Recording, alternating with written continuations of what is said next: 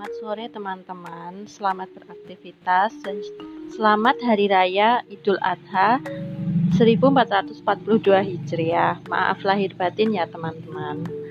Jadi kali ini aku mau share pengalaman aku pasca COVID atau yang biasa disebut dengan long COVID. Jadi itu yang aku rasain selama long COVID itu satu, aku tuh gampang capek. Yang kedua itu ya bagian leher sama pundak aku itu gampang pegel gitu. Jadi dibuat aktivitas sedikit aja itu udah kayak gampang pegel. Terus kemudian aku sempat ngalamin demam.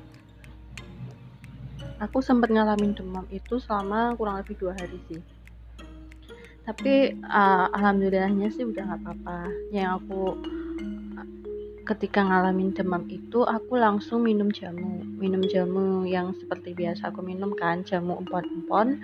Dan juga aku minum paracetamol. Itu sehari dua kali. Jadi itu emang bener sih kata orang-orang. Kalau habis covid tuh pasti ngerasain yang nggak enak-enaknya juga. Terus uh, hidung aku juga kadang sih masih mampet. Tapi Alhamdulillah sih karena aku rutin bersihin pakai nasal spray dan juga aku pakai air hangat yang kasih garam itu ya perlahan-lahan dia udah nggak terlalu mampet gitu kan. Terus yang paling penting sih fisiknya kita itu kan karena barusan sembuh dari covid gitu ya. Tapi bukan berarti kita manjain fisik kita. Jadi dalam artian bukan berarti kita terus berleha-leha. Itu enggak jadi ya tetap kita paksa untuk ya sedikit uh, ada aktivitas olahraganya seperti kita berjalan kaki ataupun kita ngelakuin up, uh, apa namanya stretch up atau ya olahraga ringan gitu kan. Tapi ya tetap ada kita prosedurnya untuk sedikit istirahat selama berapa detik gitu atau selama satu menit istirahat terus habis itu dilanjut lagi. Nah jadi itu uh, apa ya selama long covid itu aku juga menghindari minuman dingin. Maksudnya dalam artian tuh kayak minum es mana minum yang mengandung es batu yang, yang kayak misalkan nih jus ya.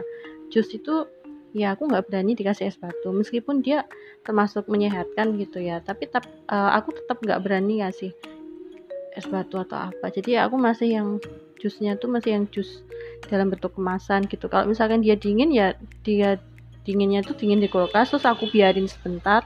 Jadi biar dia nggak terlalu dingin banget gitu ketika minum. Terus aku juga masih nggak berani untuk makan gorengan. Ya emang pada intinya tuh makanan goreng-gorengan terus minumannya es-es kayak gitu tuh emang nggak bagus juga kan untuk kesehatan.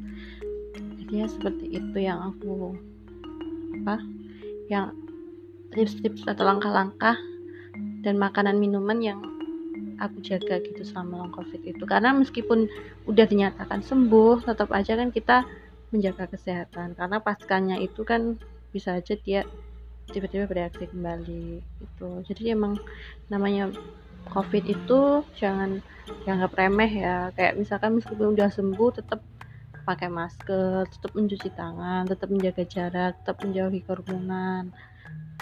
Dan masih banyak lagi hal-hal yang emang harus diterapin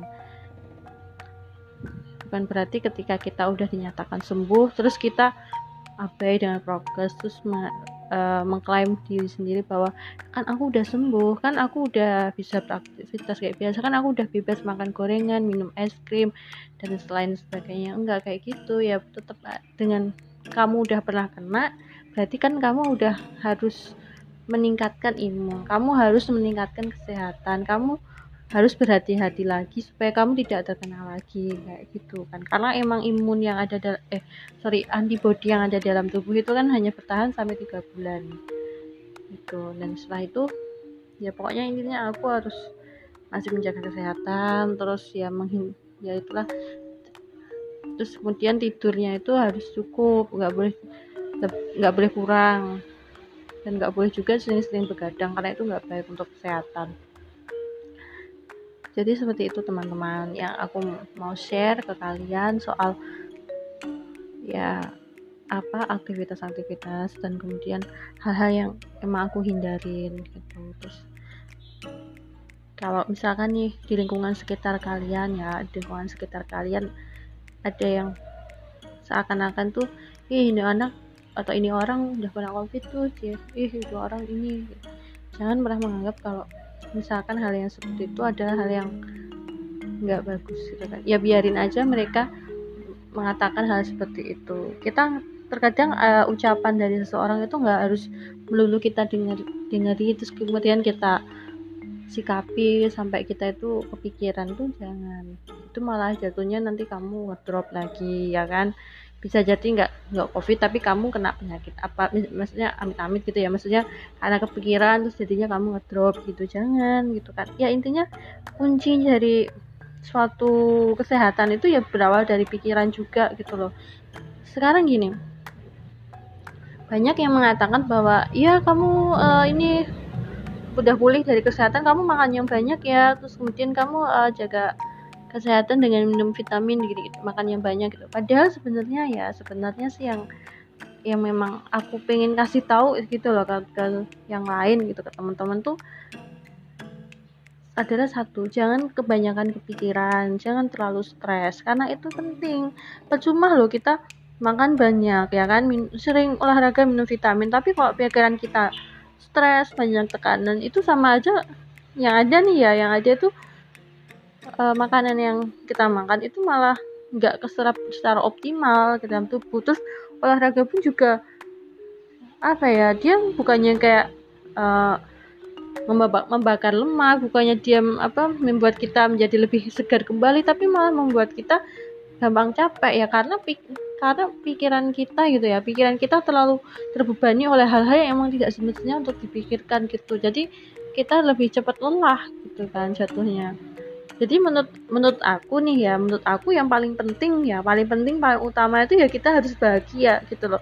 Kita harus jauhkan pikiran kita dari hal-hal yang membuat kita stres gitu ya.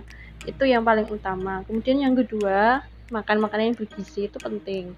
Dan yang tiga itu menerapkan pola hidup sehat dengan cara apa? Dengan cara olahraga terus kemudian menjaga kebersihan diri sendiri dan juga lingkungan. Itu penting ya kan?